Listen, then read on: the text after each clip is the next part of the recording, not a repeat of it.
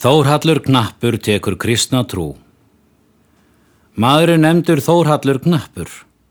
Hann bjó á knappstöðum í fljótum. Hann var göfugur að rættar. Hann var heiðin eins og flestir voru á þessum slóðum á þeim tíma.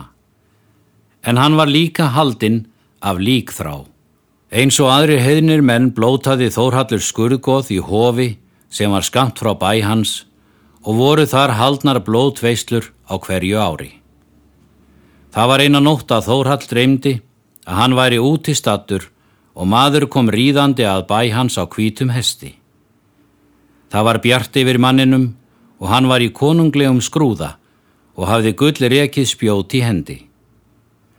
Þórhallur var hrættur og ætlaði að snúa heim í bæ, en rittarinn hljópa baki og gekk fyrir dyrnar og sagði Þú þart ekkert að óttast.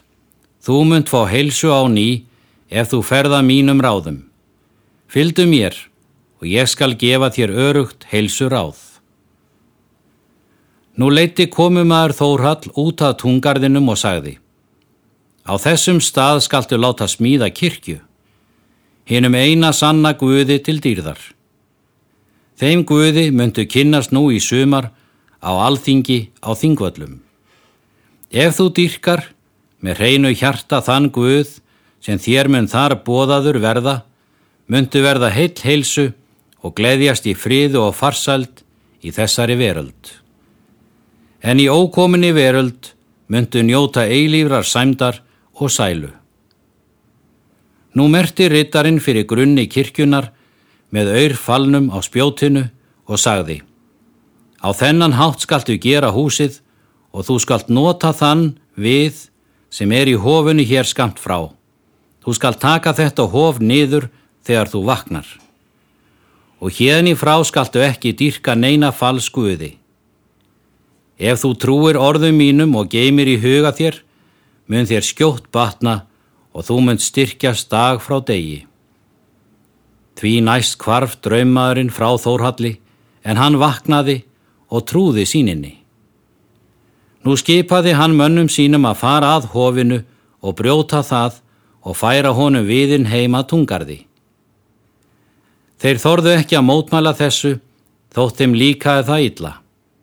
Og þegar timbrið hafi verið flutt heimað knappstöðum, tók Þórhallur til við að smíða kirkjuna og fór í einu öllu eftir því sem honum hafði verið syngt í draumnum. Á næsta bæ bjó kona sem Þórhildur hétt. Hún var mikil fyrir sér og fjöl kunnug. Sömu nóttina og Þórhall hafði dreymt drauminn, vakti Þórhildur menn sína og sagði Fari nú sem skjótast og rekið allt kvikvi okkar úr högunum, nöyt og sögðu og ross og setji það inn í hús eða réttir því að ekkert mun lifa sem er út í högum okkar í dag. Þórhallur nágranni minn á knappstöðum er orðin ær og vittlaus. Hann hefur sendt menn sína til að brjóta nýður hið virðulega hof og því verða goðin að flýja sem þar hafa verið dýrkuð. Þau eru í grimmum hug en ætla að leita sér hælis norður og syklunesi. Nú vil ég ekki að fjenaðar minn verða á vegi þeirra því að þau eru svo reið að þau munu engu eira sem fyrir þeim verður. Þetta var nú gert. Allt kvikvið þórhildar við rekið heim nema einn hestur sem eftir varð í haganum og fannst hann dauður skömmu síðar. En það er af þórhallega að segja og honum gekk allt í hægin og allt fór eins og honum hafi verið sagt í draumnum.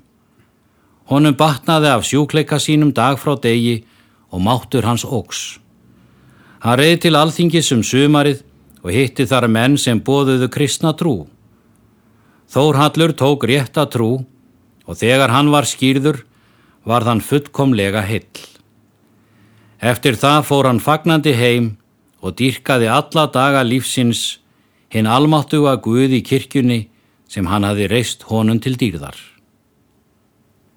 Úr Ólafs sögu Tryggvasonar í Flaterbók